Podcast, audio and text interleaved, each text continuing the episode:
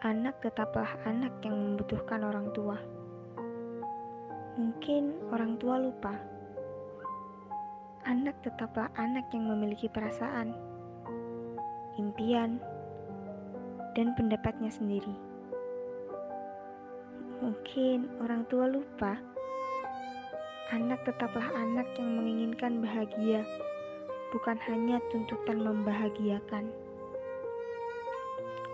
Mungkin orang tua lupa bahwa anaknya juga makhluk yang sama, seperti dia.